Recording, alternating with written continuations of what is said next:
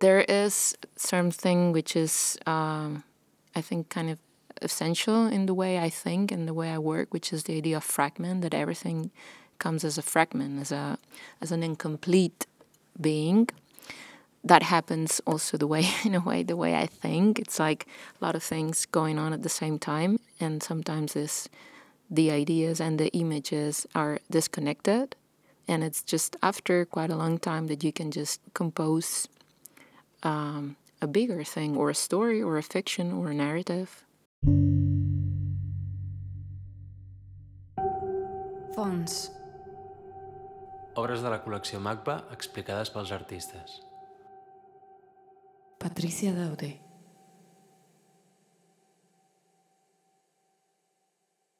So model number one, it's uh, quite a recent production. It was made last summer, so that was summer 2014.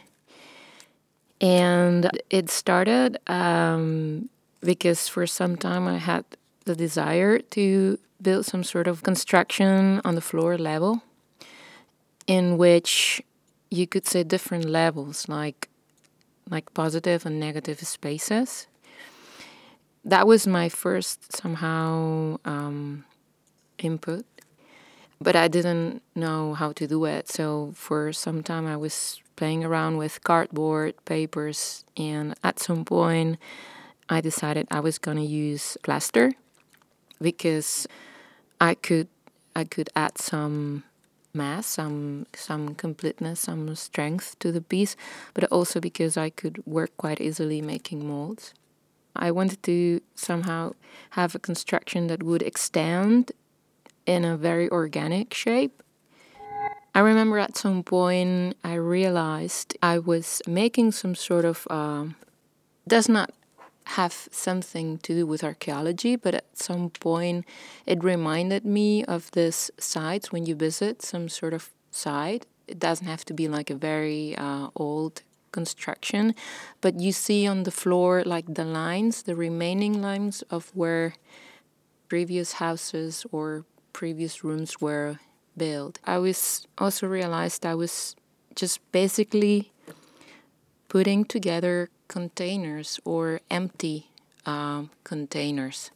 It made me think of the idea of a model, like an architectural model, but it was more like a mental thing, like I would even say like maybe a little bit metaphysical thing.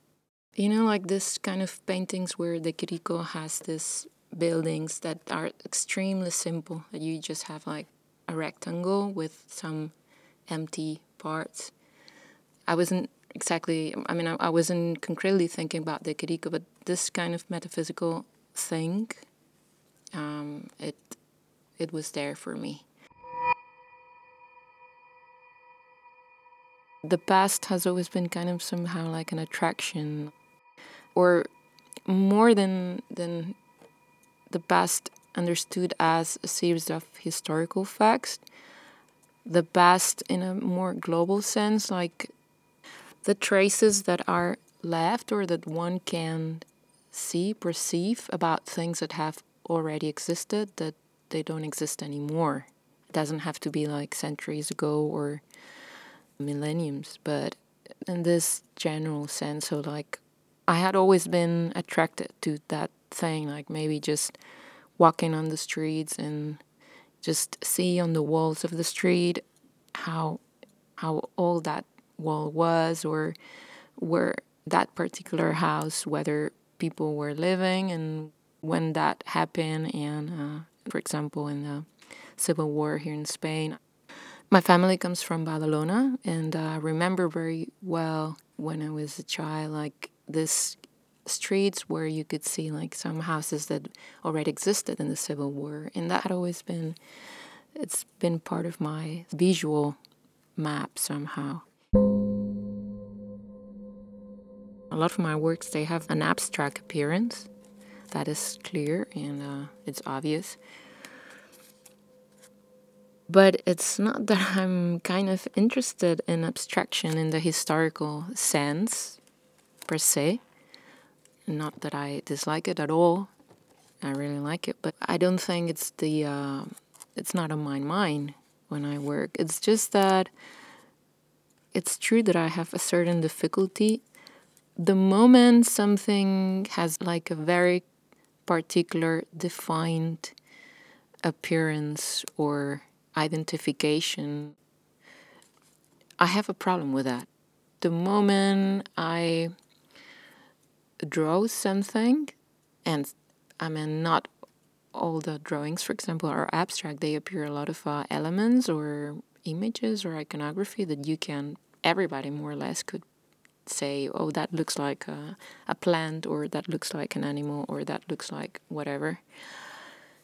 But I have a tendency to immediately erase or destroy or make less visible those things, those elements, those symbols, or or those connections that are on my mind. I, I don't like to define things very strictly, and I have a certain difficulty with completeness, with definition, with classifying things, like saying, "Oh, this is it. This is what I think. This is what I do. This is my statement." I have a certain difficulty with that. It is true that when it comes to documenting or to to to say something about those works to other people, I try to give a little bit of information. Or I try to explain it for myself somehow. Because to talk about my own work is not easy for me. It's very difficult because I have the feeling or I have the impression a lot of times that there are many many different directions. And uh, sometimes I have the need to put a little order in that chaos. Because to me, there's to me there's a lot of chaos, in a good sense. But there's a lot of interest and things going on. From you know, like interest in this thing about the past and ruins, but also about color or about landscape or about traveling, the idea of traveling, or about primitive cultures, or or just very formal things. Sometimes it's not just about the ideas, but about the very material aspect of things that you're there.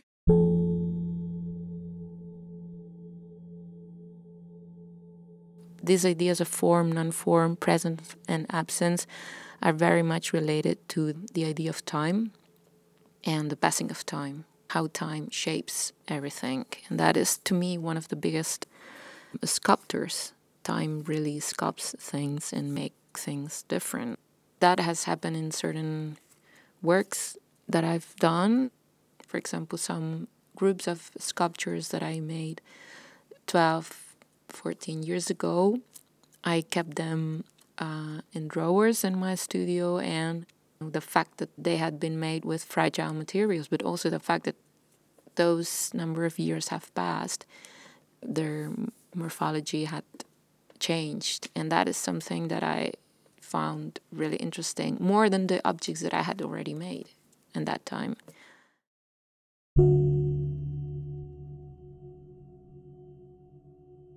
To me, that the material, the tactile, the thing, it's very important. For example, I always found it to me extremely difficult to leave to, to someone else manipulation of the materials because the um, soul manipulation of the materials is telling you or is telling me things about the uh, content or the, the how that work is going to be.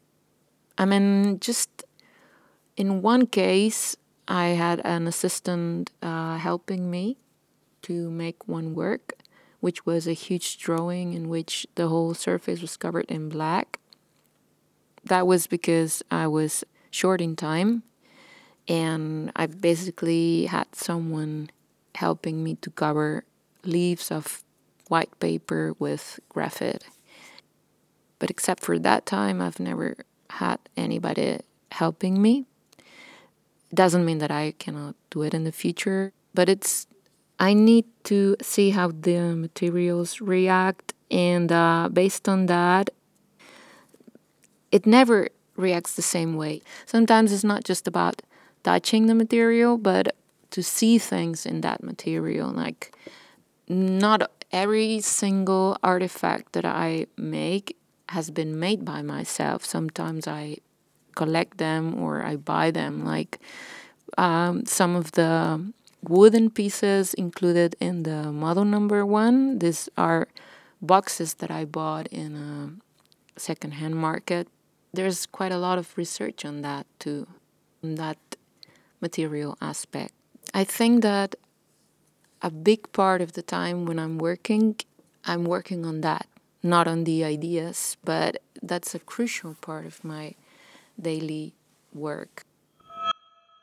I have been teaching for quite a while, and uh, I have seen that younger generations they really are losing a lot of uh, knowledge or this kind of uh, custom or tendency to experiment and to experiment or, or work with different materials and that is a little bit a pity sometimes I always try to give as much as importance as to the ideas as much as the uh, materialistic aspect because it's not something superficial. People tend to think that material and form is just the super the superficial part and is the appearance.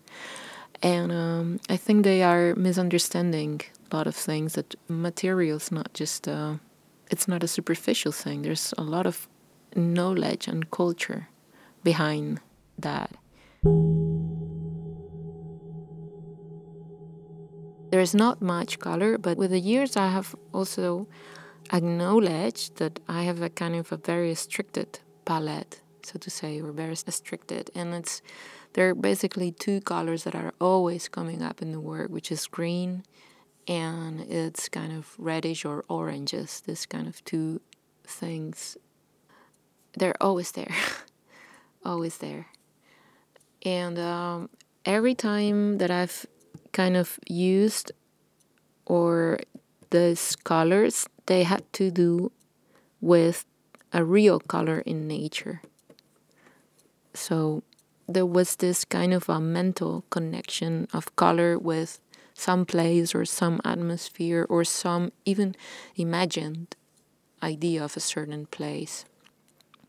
That is the case, for example, of two works in fabric that are called green Kauai and orange Kauai, which were it's this kind of works on fabric in which I was bleaching the cotton until I got specific color, and then I manipulated and I put them together and I sew the pieces onto another surface. But the title refers to a place in uh, in the Hawaiian archipelago. One of the islands is called Kauai, and those fabrics were done before I visited this island, like some sort of an anticipation of the kind of color that I would find there. And this kind of mental anticipation that has happened like quite different times in works that I've done in fabrics, but also in with films, for example. And it always have to do with this kind of imagining how the atmosphere is there or what kind of place I will encounter when I get there. The idea of traveling has to do with the idea of the place where you are or your hometown and then the faraway places.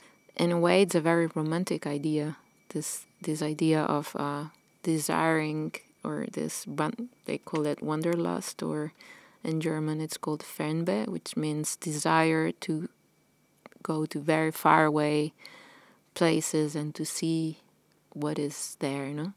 So that has it's always been somehow in my mind. Like I've built this sort of uh, imaginary or I cannot or mental iconography about all these places, and even one of the things that I've always interested me a lot has been this reading about all this period in history in which um, all the new world explorations were made and not just the uh, descriptions of the travels and the geography, but like the human part of it, or like this kind of uh, seeing or discovering things that haven't been seen yet.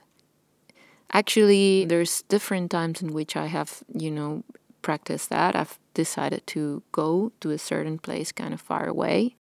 But then I have realized that uh, the the real travel or the actual time in which you are in that place, it's very interesting. But it's mu- it's even more interesting all that you project mentally project about that. Uh, the idea of traveling, uh, I've realized lately that all the places that sometimes I, I like to, or I imagine, or I like to go, are places that are, the culture is much more connected to nature than ours. The people, human, live much more in contact with a certain sense of living close to nature.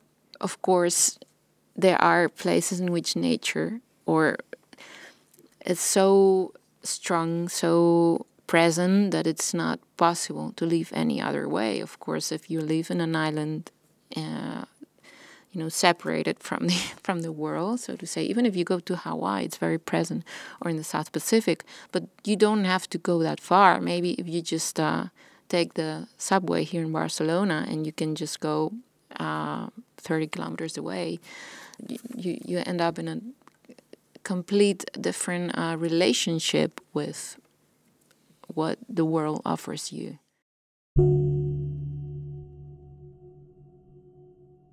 I usually travel with a film camera, the 16 millimeter camera, or sometimes a Super 8. But then I film the images. Up to now, the process has been pretty much the same, which was I don't prepare so much like a script.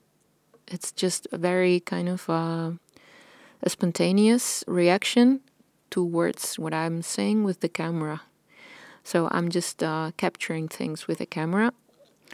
And then when I develop those images, I send the material to laboratory, and then they give back the materials.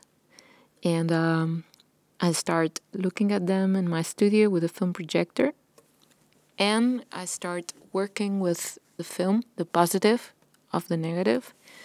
I start working with them on the edition myself with a very basic uh, editing material, which just consists in a very small splicer, it's called, and then I cut the film, I I put it together, and that can take quite a long time. Not so much because it's a manual thing, but also because before cutting, you have to be really sure what you're cutting because there's no way back. So when that edition part is finished, I send it again to laboratory and they work with that edited master. Then they produce the final uh, projection copies.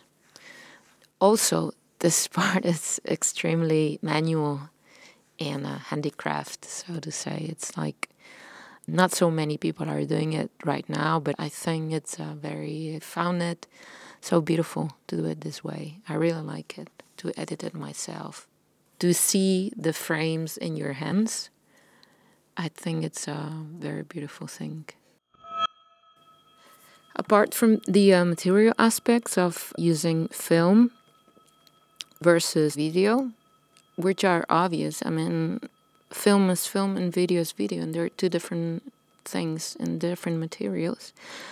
There is, to me, with film, when I use Super 8 or 16 millimeter, it's not just the looks of something old, but there's a certain different way of registering time.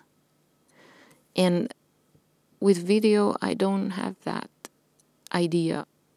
It's like a time capsule somehow, or that it's uh, and somehow the sensation I have when I use film.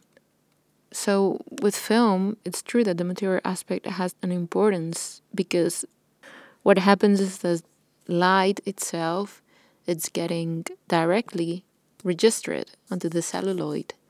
And that is this kind of, it's a more reliable somehow, or a more direct relation with the material, in that case, light.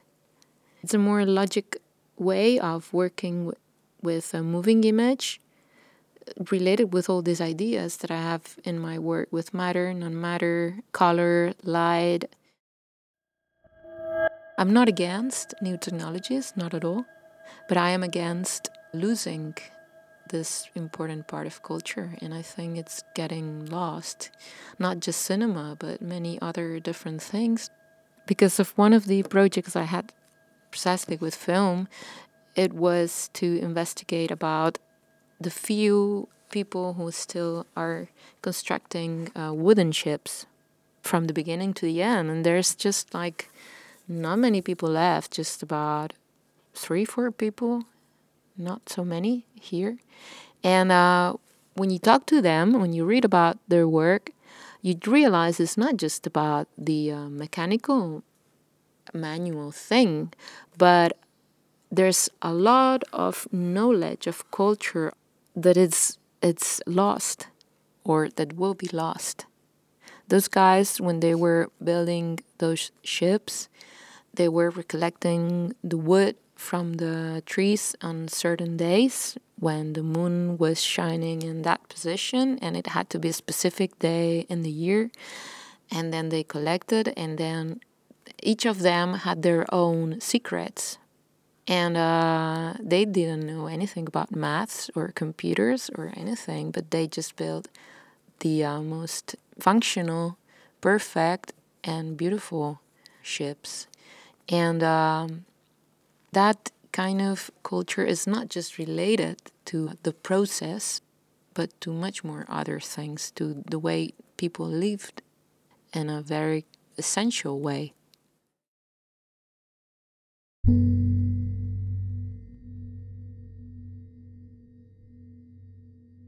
Maybe documentary or this documentary attitude is being defined by the need to inform in an objective way, in a pedagogical way.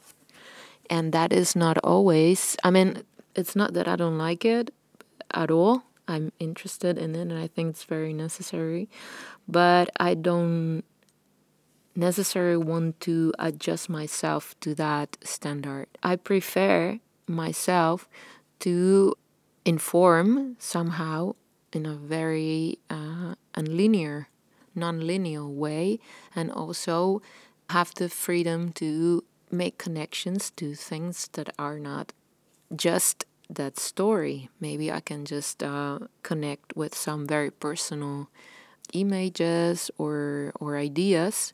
In that case of these shipbuilders, to me, it's not so much about explaining people how this for example, how these people work, all the stories behind, but to somehow communicate the beauty of what they are doing with some images just by watching, observing, perceiving the place where they work, how they are, the materials they use.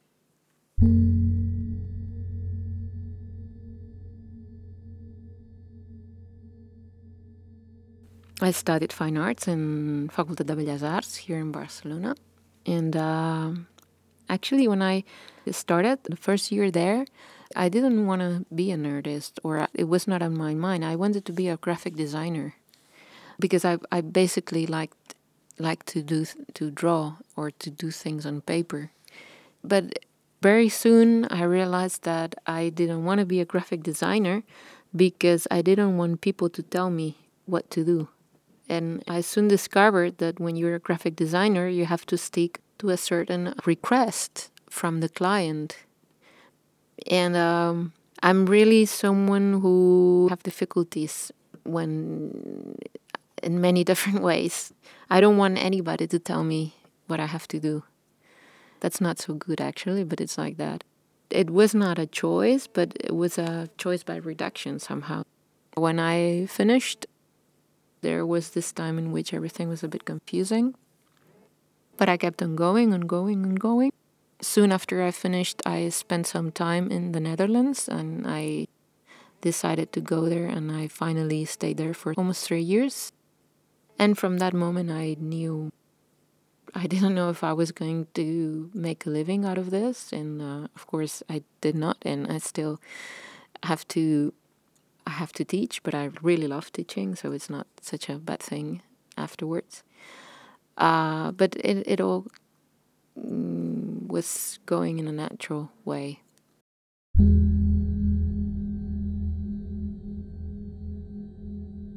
From the very beginning, I always liked a lot Robert Smithson and Gordon Matta Clark. I remember was right when I was studying in Barcelona. I had a well, I kind of fell in love with with their work, especially Matta Clark. I discovered him. I don't know. I think it was 1994, 95, and he had a exhibition at Serpentine Gallery in London, and I was I was there in the summer, and I was like a big big thing for me at that point. I always liked Rauschenberg quite a lot. Also, Agnes Martin. Not always the artists that I like. They have much to do but with my work, but that I find it good. I think it's good that not necessarily you are my work has nothing to do with Smithson or Matta Clark, but for some reason I just feel I just thought it was amazing what they were doing.